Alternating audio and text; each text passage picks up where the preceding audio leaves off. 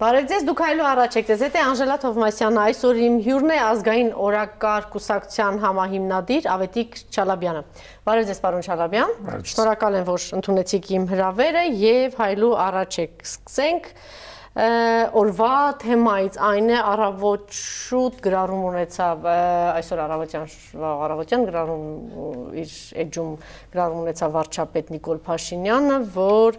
այս մարդը իրավունք չունի ղեկավարել սահմանադրական դատարանը։ Խոսքը Հրայր Թովմասյանի մասին էր։ Իսկ երեք հանրային հերոստանգերությամբ իր ռեպորտաժեր պատրաստվել, իր հետ կապված այդ ռեպորտաժն է կիսվել էր իր էջում։ Ինչ է սա նշանակում։ Գոր Հովանիսյանն է իր էջում օրինակ գրել էր, եթե Անգելա Մերկելը հրապարակավ Գերմանիայի ՍԴ նախագահ պրոֆեսոր Հոսկոլեի մասին նման բան ասի, հետևանքը կլներ հենց նույն օրը Մերկելի հրաժարականը։ Խնդրեմ։ Ցավոք մենք դեռ Գերմանիա չենք։ Ցավոք իսկապես։ Տեսեք, մեկ շաբաթ առաջ դուրս եկավ 2019 թվականի այսպես կոչված դեմոկրատիայի համաթիվը։ Դեմոկրատիայի համաթիվը գնահատում է երկրները ըստ ժողովրդավարության կամ դեմոկրատիայի զարգացման աշխարհի առավելագույնը 10-ը, ոչ մի երկիր չունի բացարձակ 10, իրականում համապականակցությամբ երկրներ են, որոնք մոտ են լավագույն նիշին, Հայաստանի համաթիվը մոտավորապես 5.5-ի կարգի է, որը այսպես կոչված հիբրիդային ռեժիմ է նշանակում։ Կա 4 մակարդակ, կա ժողովրդավարություն, կա ժողովրդավարություն թերություններով, հիբրիդային ռեժիմ եւ կա նաեւ ավտորիտար ռեժիմներ։ Ուրեմն Հայաստանը անգել է հիբրիդային ռեժիմներով, նույնիսկ ժողովրդավարություն չի թերություններով այս պայդերությամբ։ Երբ որ նայում ենք համաթվի բաղկացուցիչները, տարբեր բաղկացուցիչները, որոշ բաղկացուցիչներով մենք կլինեինք այսպես ասած ժողովրդավարություն թերությունները, օրինակ ընտրական գործընթացը ստացել է 7.5 միավոր։ Դա համապատասխանում է ժողովրդավարություն թերությունները, օրինակ Ֆրանսիան էր գտնվում այդ բանի մեջ, հա, խմբի մեջ։ Բայց մենք համաթվում մի հատ կետ ունենք, որը կոչվում է քաղաքական մշակույթ, որը մեր մոտ ընդամենը 3.2 է։ Համացան համար ասեն, ձեզ Ադրբեջանը 3.8 կամ 70։ Ինչ եք ասում։ Դուք Ադրբեջանի ընդհանուր համաթիվը ընդամենը 2.75 է, այսքան Ադրբեջանը գտնվում է ավտորիտար ռեժիմներում։ Բայց քաղաքական մշակույթով մեր քաղաքական մշակույթը ավելի ցածր գնահատական է ստացել, քան ստե Ադրբեջանի դեպքում։ Հիմա եկեք հատ հասկանանք դա ինչ է նշանակում։ Մեր երկրում տեղի ունեցել իշխանապողություն։ Այդ իշխանապողությունը տեղի ունեցել այն ակնկալիքներով, որ նոր իշխանությունը, որը գալիս է, իր հետ բերում է նոր քաղաքական մշակույթ, որը ավելի ժողովրդավարական է, ավելի հանդուրժողական է, ավելի ցիվիլ է, ավելի, այսպես ասած, եվրոպական արժեքներին է համապատասխանում Եվ հիմա կա օբյեկտիվ գնահատական, հա, համաշխարհային հեղինակավոր կառույցի, որը ասում է, որ կներեք, ձեր քաղաքական մշակույթը չի փոխվել։ Նույնիսկ վատացել է ինչ-որ իմաստով։ Որտեւ իսկապես եթե մենք նայում ենք մեր մոտ ինչա տեղի ունենում քաղաքական մշակույթի մակարդակով, այս ընդհանուր էս ատելության, այսպես ասած, քարոզը տարբեր կողմերից իրար նկատմամբ ֆեյքերի պատերազմը Facebook-ում, որը ինչա ձեզ ասեմ, ես եմ անմիջապես ին վրա անընդհատ զգում, որ որ դեպքում մեր քաղաքական մշակույթը կարող է բարելավել, լավանալ։ Այն դեպքում, երբ որ հիմնական քաղաքական գործող անձիկ կլինեն դա իշխանության ներսում, թե ընդդիմության ներսում, որոշակի դրական դերակատարում են անում։ Վեհանձնություն են դրսևորում։ Լավ օրինակ են ծառայում, հասկանում եք։ Իսկ ի՞նչ է տեղի ունենում։ Տեղի ունենում ուղիղ հակառակը Ես ընդհանրապես ասած անկեղծորեն եմ ձեզ ասում, այս վերջին 1 շաբաթվա իրադարձությունները համանadrական դատարանի եւ նրա նախագահի շուրջը, այս ամբողջ հանրային դիսկուրսը, որը ծավալել է երկրի վարչապետը, իմ համար շոկ անկեղծ ասած։ Ես կարծում եմ, որ երկրի վարչապետը չպետք է իջնի այդ մակարդակին։ Գրիչ, շուտ գնահատականներ, մեկ էլ հանգարց ավակոնա անդամներից մեկը իր Facebook page-ին դնում է համանadrական դատարանի նախագահի աղջկա Facebook page-ը ըստ էության փորձում է ատելության քարոզ ուղղորդի իր վրա։ Սա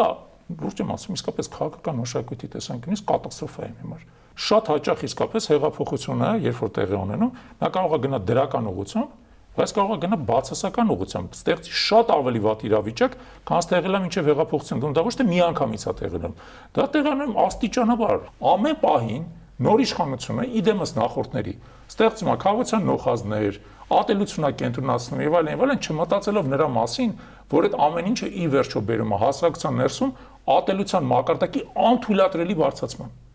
Եվ կան ընդհակառակը դրական օրինակներ, հա? Ենթադրենք հարավային Աֆրիկան։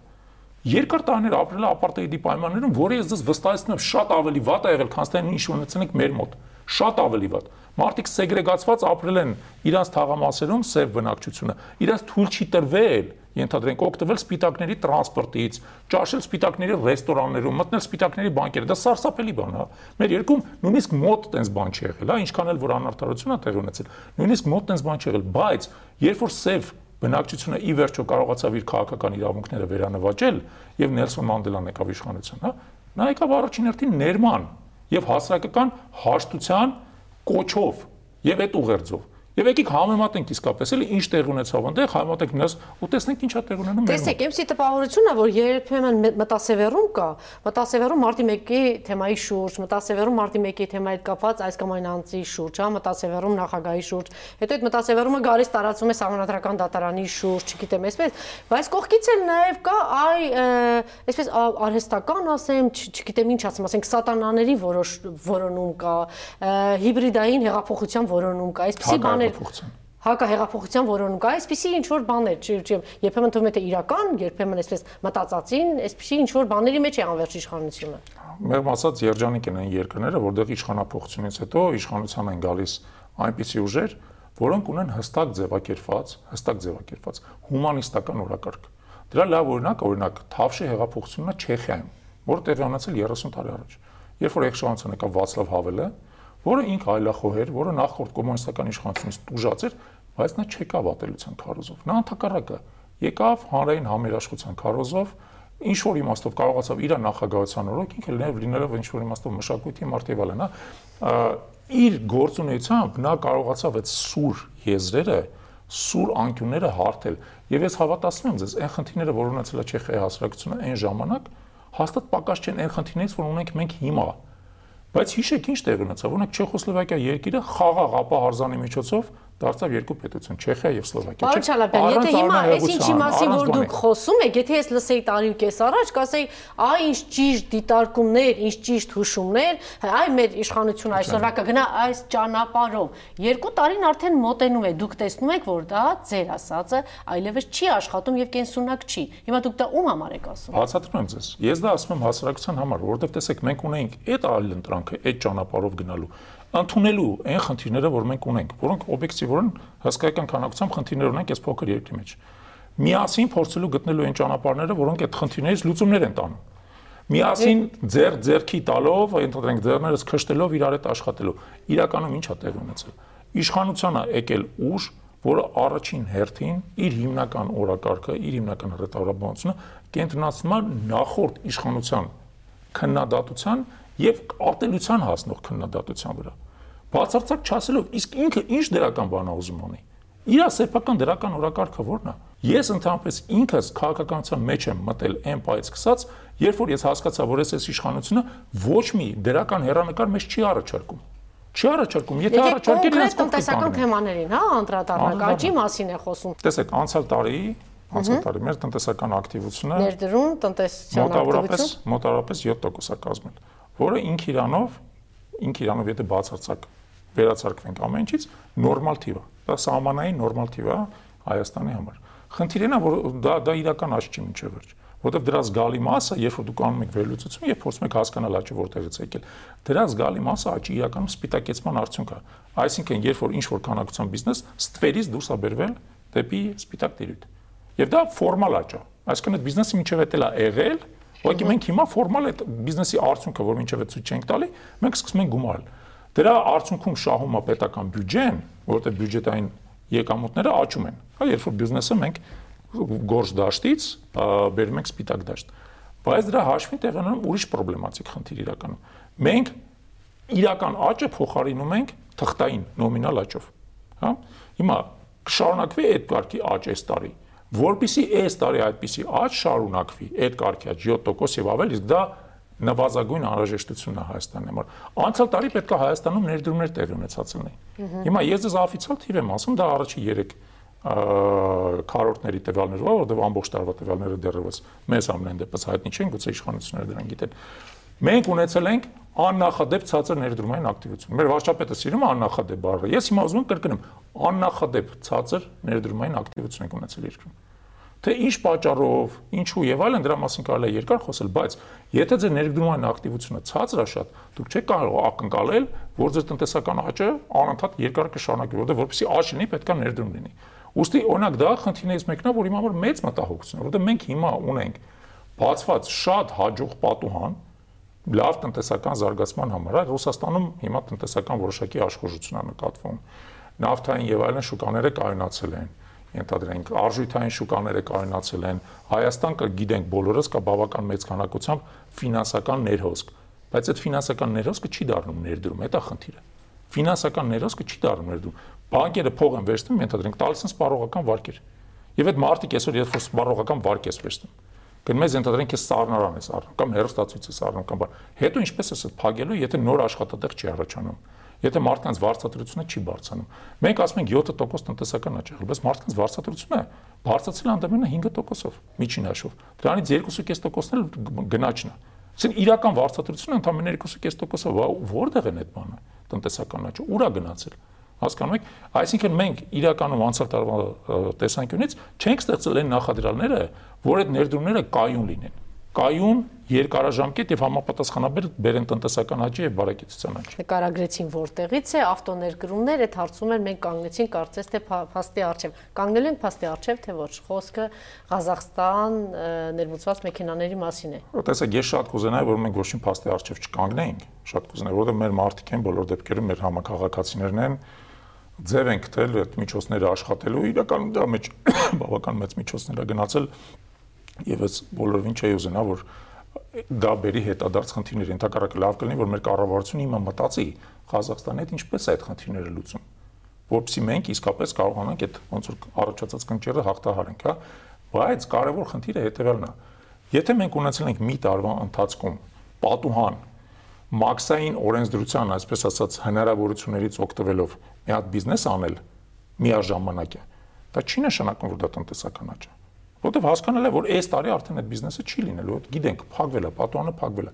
Այ ինչի հաշվին է երկիրը շարունակելու աճել եւ զարգանալ, այ այսօր պետք է հանրության ներսում դիսկուրսը դրա մասին լիներ։ Իշխանությունը դրա մասին պետք է խոսեր, ոչ թե պետք է խոսեր վերամբարձ տնտեսական հեղափոխության մասին, որ ակնհայտորեն տեղի չի ունեցել, այլ պետք է ասել տնտեսության ողջ ուղերում, ինչ ներդրումներ, ինչ երկրների հետ, ինչ է ինքը անում որպես մասին կարելի է խոսել, եթե դատա իրավական համակարգի հետ կապված, մենք տեսնում ենք ինչ է տեղի ունենում։ Շատ լավ հարց եք բարձրացնում, տեսեք,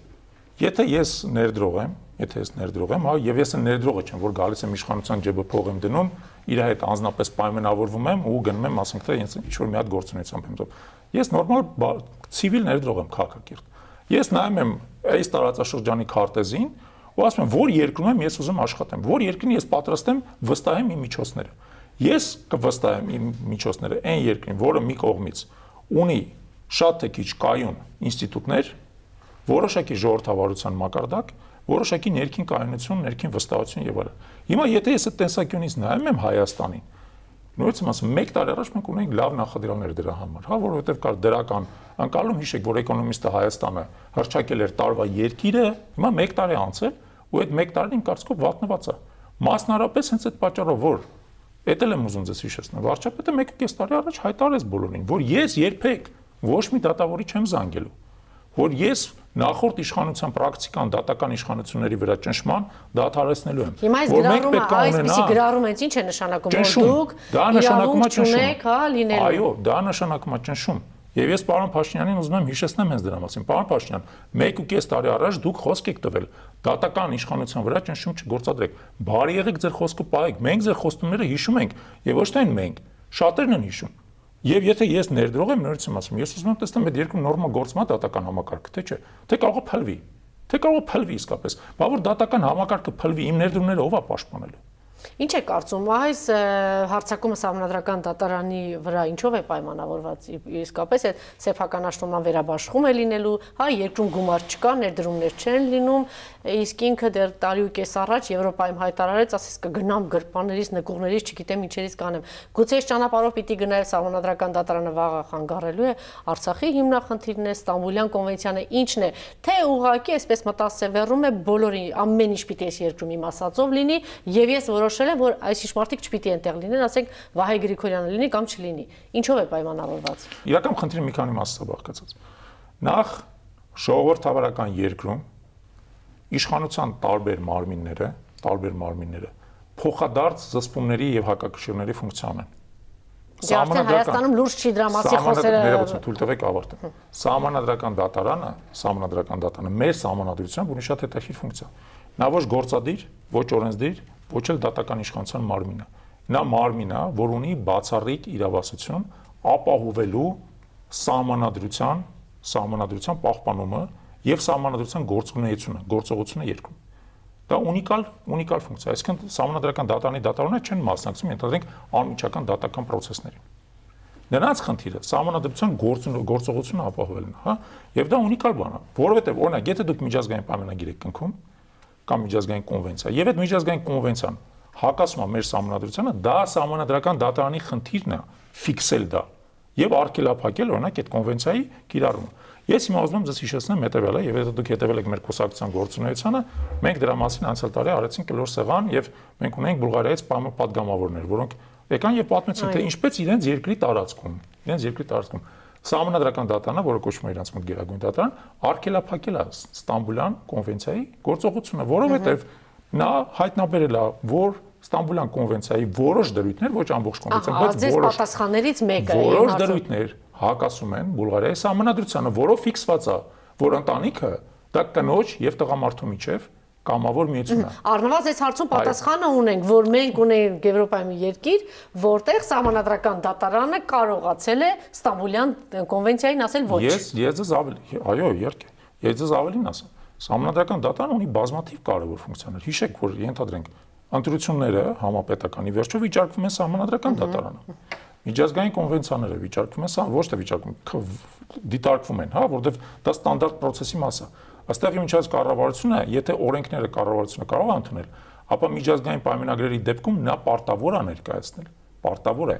Այսինքն սահմանադրական դատարանը ունի կարևորագույն ֆունկցիաներ, կարևորագույն ռազմավարական ֆունկցիաներ։ Եվ ես չեմ զարմանում, որ այս մարտիկ, որոնք այս ցածր քաղաքական մշակույթի տեր են, փորձում են իրենց վերահսկողությունը հաստատել համանդրական դատայի նկատմամբ։ Ընդ որում, օգտագործում են իմ կարծիքով շատ էժանագին հիմնավորում, շատ էժանագին։ Ես տեսնում եմ, այդ անդադ ես կարդում եմ ստատուսների մեջ, որ այս համանդրական դատարանի դատավորները նախկինում բազմաթիվ անգամ կեղծված ընտրություններ են քողարկել, կեղծված ընտրությունները չեն վիճարկել եւ այլն։ Իդեպ 96 թվի մասին խոսեց, հետո շատ ճիշտ նկատել են դե դեպքում ինչու չեք անդրադառնում ընդհանրապես 96 թվին։ Տեսեք, հիմնական փաստարկը որ բերում են, դա նա է, որ համանդրական դատարանը նախորդ իշխանության օրոք իրեն վարկաբեկել է։ Մասնապես, որտեղ ինչ որ քանակությամբ կեղծված ընտրություններ, համանդրական դատարանը արդյունքները չեղալ չի ճանաչել։ Հիմա ես ուզում եմ ասեմ հետեւել, եկեք հասկանանք, մենք ճիշտ հասցեատեր ենք վերցրել այս խնդրի համար, թե չէ։ Վերջի անգամ, երբ որ ընտրություններ են վիճարկվել համանդրական դատանում, եղել է 2013 թվականի նախագահական ընտրությունները, որովհետև 17 թվականի խորհրդանական ընտրությունները ընդունվել են ընդդիմության կողմից։ Այն ընդդիմության, որ այսօր եկել է իշխանություն։ Նիկոլ Փաշինյանի, ասեք այդպես։ Իրենց կողմից, այո, ընդունվել են։ Իսկն չեն վիճարկվել։ Հիմա եկեք մի հատ հասկանանք, համանդրական դատարանի որ անդամներն են, որ անդամներն են, որոնք 13 թվականին պաշտոնավարել են Իսկ որ անդամներն են, որ դրանից հետո են արդեն սկսել պաշտոնավորել, եւ որ ըստ ըստ էության արդարացված չի ընդհանրապես այդ մեղադրանքը իրանց հասցեագրել։ Եվ եթե նույնիսկ 13 թվականն ենք վերցնում, 13 թվականում անդիմությունը իդեմս ժառանգություն կուսակցության դիմել է համանդրական դատարան, բայց հայտնի են փաստը, որ ժառանգությունը բավարար քանակությամբ այն ժամանակ փաստագրական ապացույցներ չի ներկայացրել։ Նույնիսկ ժառանգությունն է դա ընդունում։ Եվ որ ինքը չի հավաքել այդ ապացույցները, չի հավաքել այդ ապացույցները, որտեվ համարել է,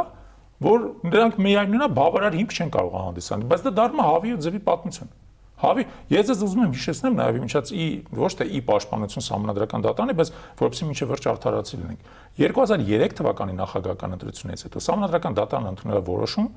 որով փաստել է, որ ընտրությունների արդյունքները հավաստի չեն եւ ճիշտ կլինի անցկացնել վստահության հարակվե հիշում եք դրա մասին։ Այդ ժամանակ համանդրական դատարանի նախագահ Գայ Քարոսյանն էր։ Դա ունիկալ բան է, որ մտածենք։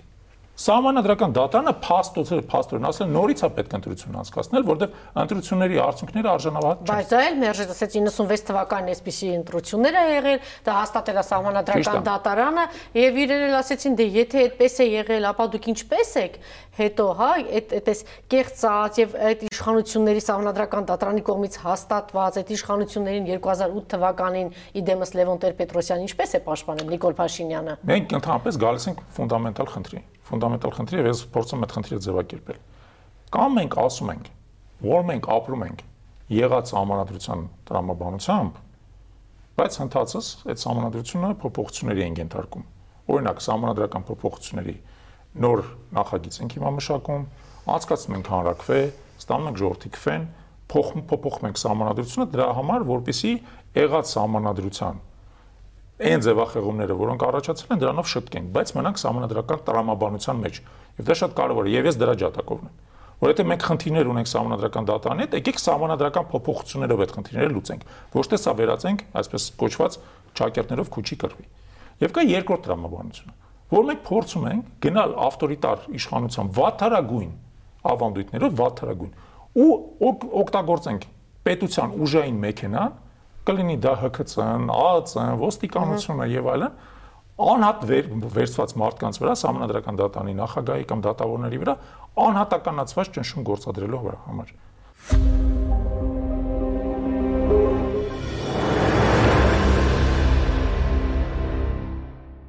Դատելով նրանից, որ Ռոբերտ Քոչարյանի գործով երկու դատավորներ ինչ որոշում կայացրեցին եւ այդ դատավորների նկատմամբ ինչպիսի ոտնձգություններ են հա տեղի ունենում իշխանության կողմից, ինչ գործ է, չգիտեմ ինչ ստուգումներ եւ այլն եւ այլն, կարող ենք ասել, որ այդ տրամաբանությունն է, բոլորը պիտի լինեն մեր գրպանում։ Դա կլինի սահմանադրական դատարան, կլինի սովորական դատավոր, դա կլինի վճռաբեկի դատա, դատավոր, բոլորը պիտի լինեն մեր գրպանում։ Այսպես է թե այդպես է թե այդպես չի։ Այս օրինակները ինչ են հուշում։ Այս օրինակները հուշում են այն, որ գործող իշխանությունը շարունակում է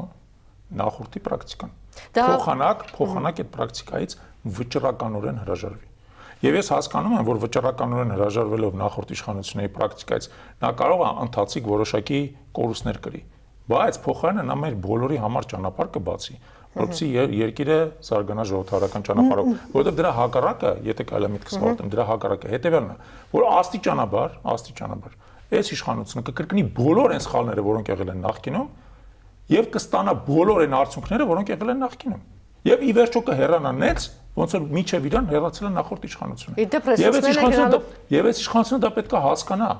Նա պետք է հասկանա, որ այն վստահության քվեն, որ ինքը ստացել է, ոչ անսպառ է, ոչ էլ հավերժ է, այդ վստահության քվեն պետք է արդարացնի։ Մենք սոցիոլոգիական հարցումներ ենք անցկացնում եւ մենք տեսնում ենք, թե իշխանության վարկանիշը ինչպես է ամեն հարցման հետ զուգահեռ ընկնում օբյեկտիվ օբյեկտիվ մեզ պետք չի որ կողքից մեկը ասի որ մենք դրան հավատենք Պարոն Չալաբյան բայց եթե հիշում եք այս խտացված ագրեսիան համանդրական դատարանի դեմ իշխանության մոտ հատկապես սրվեց հոկտեմ աշնանը երբ որ համանդրական դատարանը երկրորդ նախագահի հետ կապված որոշակի հա որոշում կայացրեց եւ դիմեց նաեւ վենետիկի հանձնաժողով Ամ Գուցե գուցե դա այդպես է եւ գուցե նաեւ մի քիչ զուգադիպում է, որովհետեւ իրականում խնդիրը ինձ թվում ավելի մեծ է։ Նախ երկրորդ նախագահի հետ կապված ես դες ասեմ, իսկապես կա իրավական գոյություն ունի իրավական կազուս։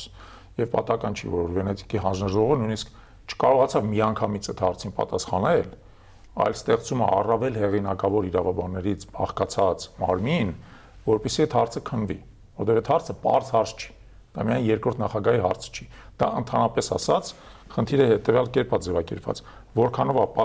բարձրագույն պաշտոնատար անձը պատասխանատվություն կրում իր լիազորություններից հետևող գործողությունների համար, որտեղ է անցնում սահմանը։ Հարավային Կորեայում, Հարավային Կորեայում երկու նախագահներ իրանց պաշտոնավարության ավարտից հետո դատապարտվել են եւ ստացել են ցմահ ցմահ դատավճիռներ, հա, պատժամիջոցներ։ Հետո նրանք նրանց ներնում ներում աշնորվել։ Բայց ինքը դատարանը նրանց նկատմամբ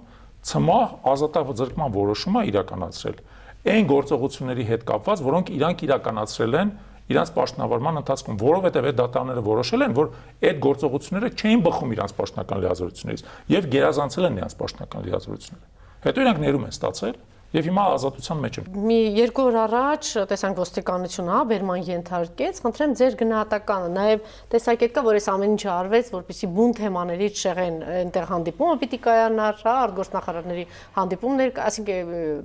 մեր կոնչում էին դա հանդիպում, բայց իրականում 6-7 ժամ դժվար թե դա հանդիպումներ դեղ բանակցություններ էին, սահմանադրական դատարանի շուրջ այս զրույցներն էին գնում, երբեմն абսուրդի հասնող, հա, հայտարարություններ։ Դուք էլ եք այդ կարծիքին, թե սա վախի մտնոլորտ կամ ինչ որ բան ցույց տալու քայլ է իշխանության կողմից։ Ճիշտ ասած,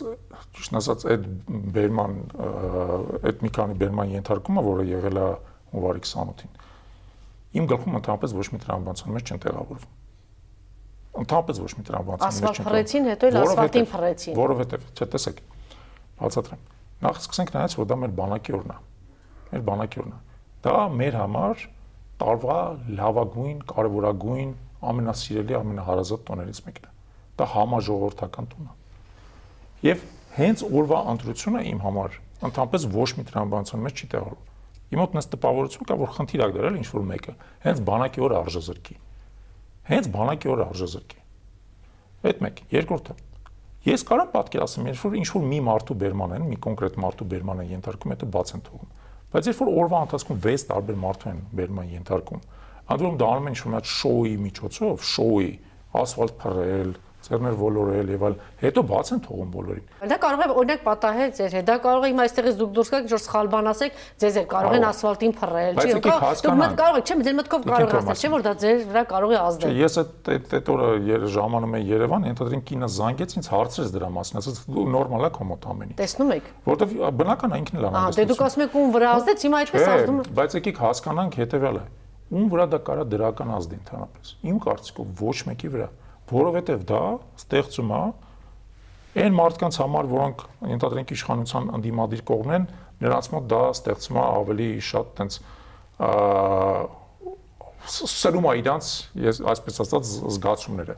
ավելի վճռական եւ ավելի կոշտ է դարձնում, որովհետեւ հաստատ նրանք դրանից չեն նեղվել այդ ասֆալտի վրա մի անգամ պարկելուց եւ այլն, ընդհակառակը։ Նրանց դիրքորոշումը դրանով ավելի է կարծրացել եւ իրանք լրացուցիչ լեգիտիմ ոնց որ փաստարկներ են ստացել։ Բայց երբ որ սկսում եք երկու օր շարունակ հեգնել եւ ծաղրել վարչապետին եւ թիմակիցներին, գրչի պատմությունը, հետևից գրկելու պատմությունը եւ այլն եւ այլն, սա մարդ որ հավակնում է ուժեղ տղա Երևալու, մարդ որ հավակնում է ավտորիտար, չգիտեմ ինչ որ բաներ հաստատելու, այդ մարդը, ասենք, parze պիտի ցնցվի, որ ծիծաղելի իրավիճակում է հայտնվել եւ ես ուժեղ եմ, հիմա ձեզ կպարկեցնեմ ասֆալտին, ես ցույց կտամ, ես ծիծաղելի եմ, թե ասֆալտին պարկեցնեմ։ Ուրեմն այդ ասֆալտին պարկեցնելով ոչ մեկ ուժ չի կարող ցույց տալ ոչ մեկ։ Ես ես վստահաբար ասում եմ, որ դա եթե դա իշխանություն, որտեղ ես չգիտեմ դա իշխանության գործողություններ, բայց եթե դա իշխանությունը իշխանություն չի։ Տեսեք, կա քաղաքական իշխանություն, կա ոստիկանություն։ Եկա միամիտ եք թե ուզում եք ուղղակի մի քիչ օրիգինալներ գալ։ Չէ, չէ, այդտեղ ոստիկանությունը կարող է եւ ինքնուրույն գործողություն արել։ Կարող է, չեմ պնդում, ես չգիտեմ։ Ես դրա հարցի պատասխանը չգիտեմ։ Դա կարող է իշխանությունից հրան գա, կարող է ընդհակառակը ոստիկանությունը փորձում է իշխանության առաջ ինչ որ մի հատ բան կատարի, իր շոուն անի։ Դժվար ասել իրականում ինչ է, բայց ես ուզում եմ ասեմ հետեւել։ Եթե դուք կարծում եք, որ այդ գործողության արդյունքում իշխանությունը ուժային դիվիդենտներ է ստացել կամ քաղաքական դիվիդենտ, ես ես վստահաբար ասում եմ, որ ուղիղ հակառակն է տեղ ունեցել։ Իշխանությունը ընդհակառակը կորցրել է միավորներ, որովհետև բոլորի աչքերում տեղի ունենում անհամաչափ, չհիմնավորված ինչ որ իմաստով գրոտեսկային գործողություն։ Հա, բայց մյուս կողմից տեսեք, այնտեղ ինքնասպանությունն է, այդ խելագարի կանխավարկածով մեկը մտնում է, չգիտեմ, ասում է, ես եկել եմ մեստան տեսնելու ինչ որ կրակում է, կրակահերթեր, այնտեղ ծիծաղում են բոլորը, թե ինչու ոստիկանության պաշտոնակատարը նստածնում է իր ավտոմեքենա, քիչ է մնում ասել, արի ղեկին նստի դու մեքենան վարի գնա։ Հետո դրանից հետո ինչ որ գրիչի պատմություն է լինում, գուցե այսպիսի ասֆալտին փռելու տեսարաններ են պետք որ շեղեն։ Թոմասյան, գուցե ուզում են շեղեն, բայց հաստատ ոչ շեղում են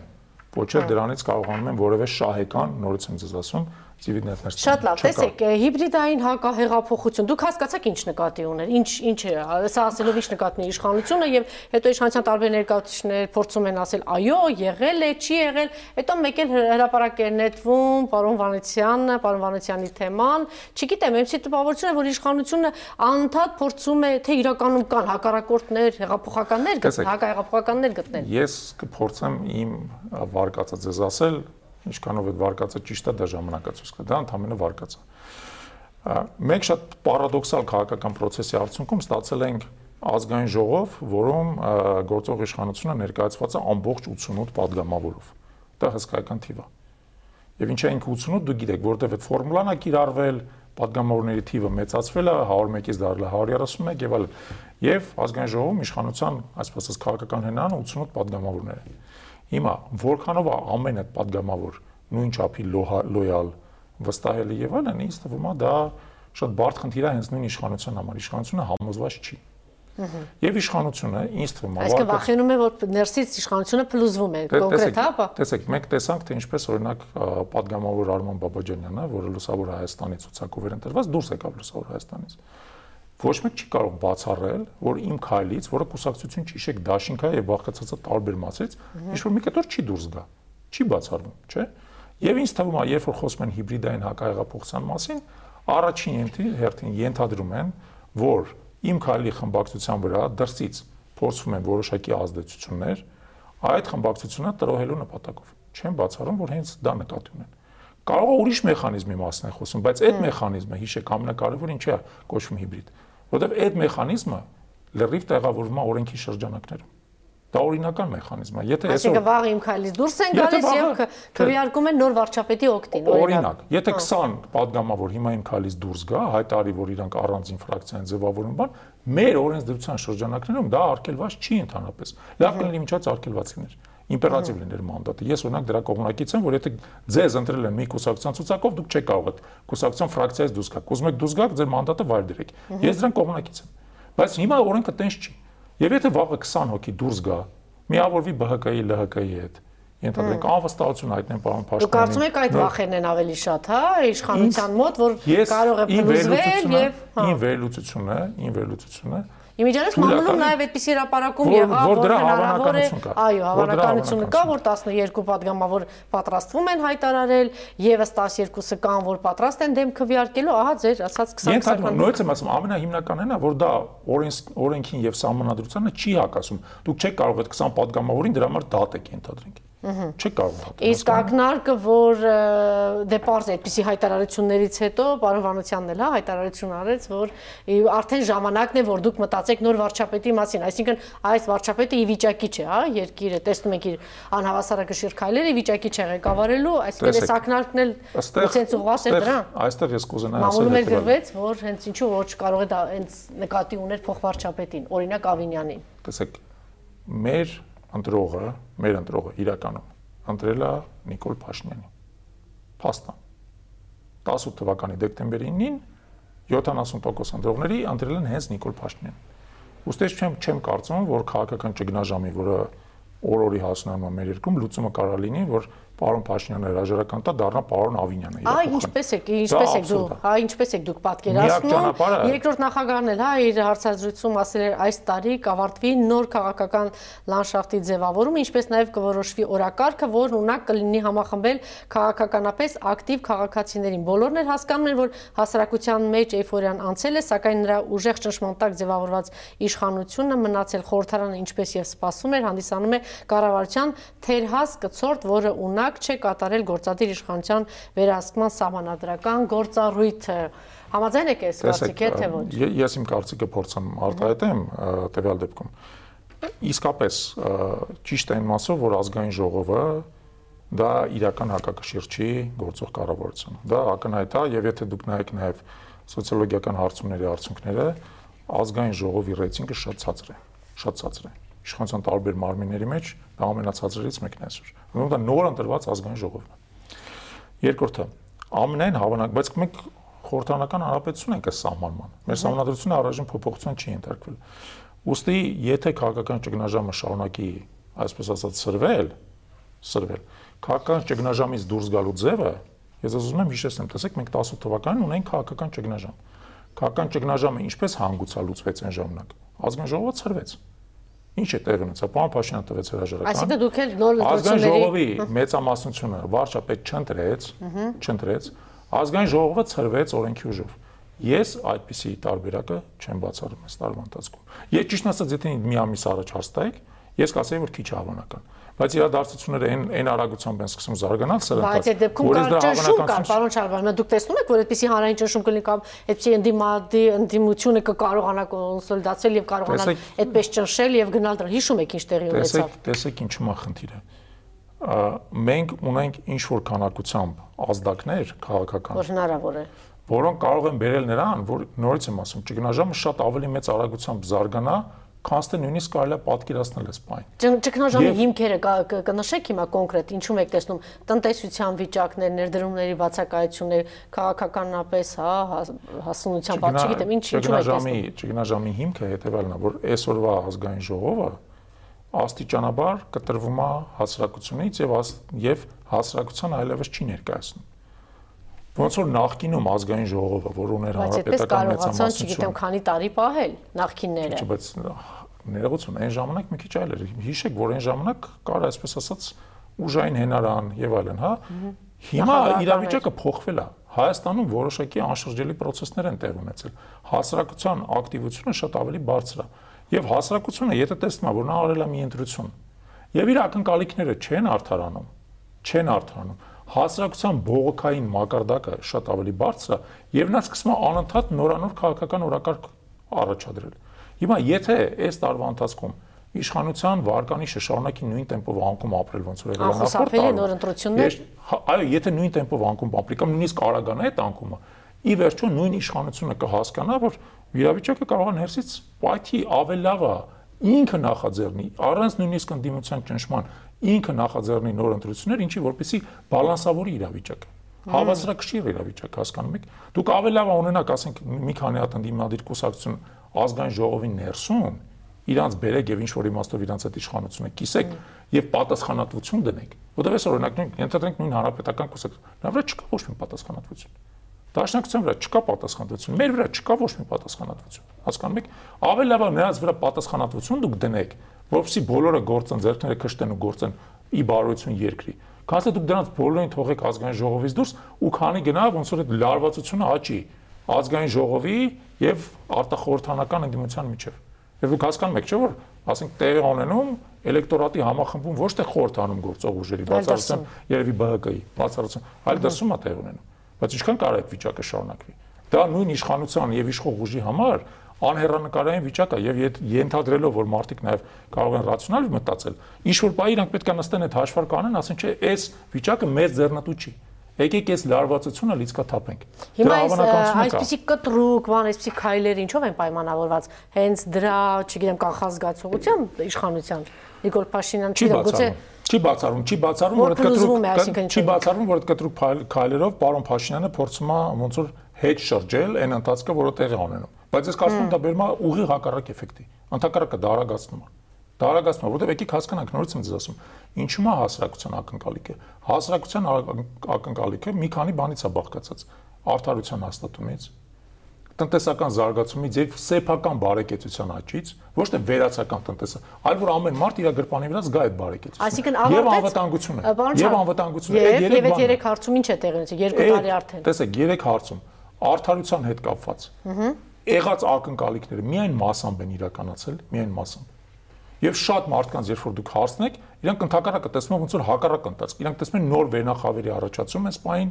նոր հարստության վերաբաշխում եւ չեն տեսնում թե իրանք ինչ են շահել այս ամեն ինչից։ Հասկանում եք։ Տնտեսական զարգացումը, մենք իրականում տնտեսական զարգացումը ես դες ասացի, անցյալ տարի ունեցել ենք շատ սահմանափակ եւ տնտեսական զարգացման տեմպերը շարունակելու են ընկնել, եթե այս ամեն ինչը շարունակվի, ներքին անկայունությունը շարունակի եւ անվտանգության մասով մենք ունեցել ենք իսկապես համատաբար հանգիստ տարի անցյալ, անցատեն համատաբար հանգիստ է եղել։ Բայց հիմա մենք տեսնում ենք սահմանի լարվածության աճ։ Լարվածություն եւ Ոստի, ոստի բոլոր ակնկալիքները, եթե այդ հիմնական բազային հասարակական ակնկալիքները չեն իրականանում, հասարակության ներսում է լարվածությունը։ Այն լարվածությունը, որ հիմա կա քաղաքական վերնախավում, ի վերջո տեղափոխվել է հասարակություն։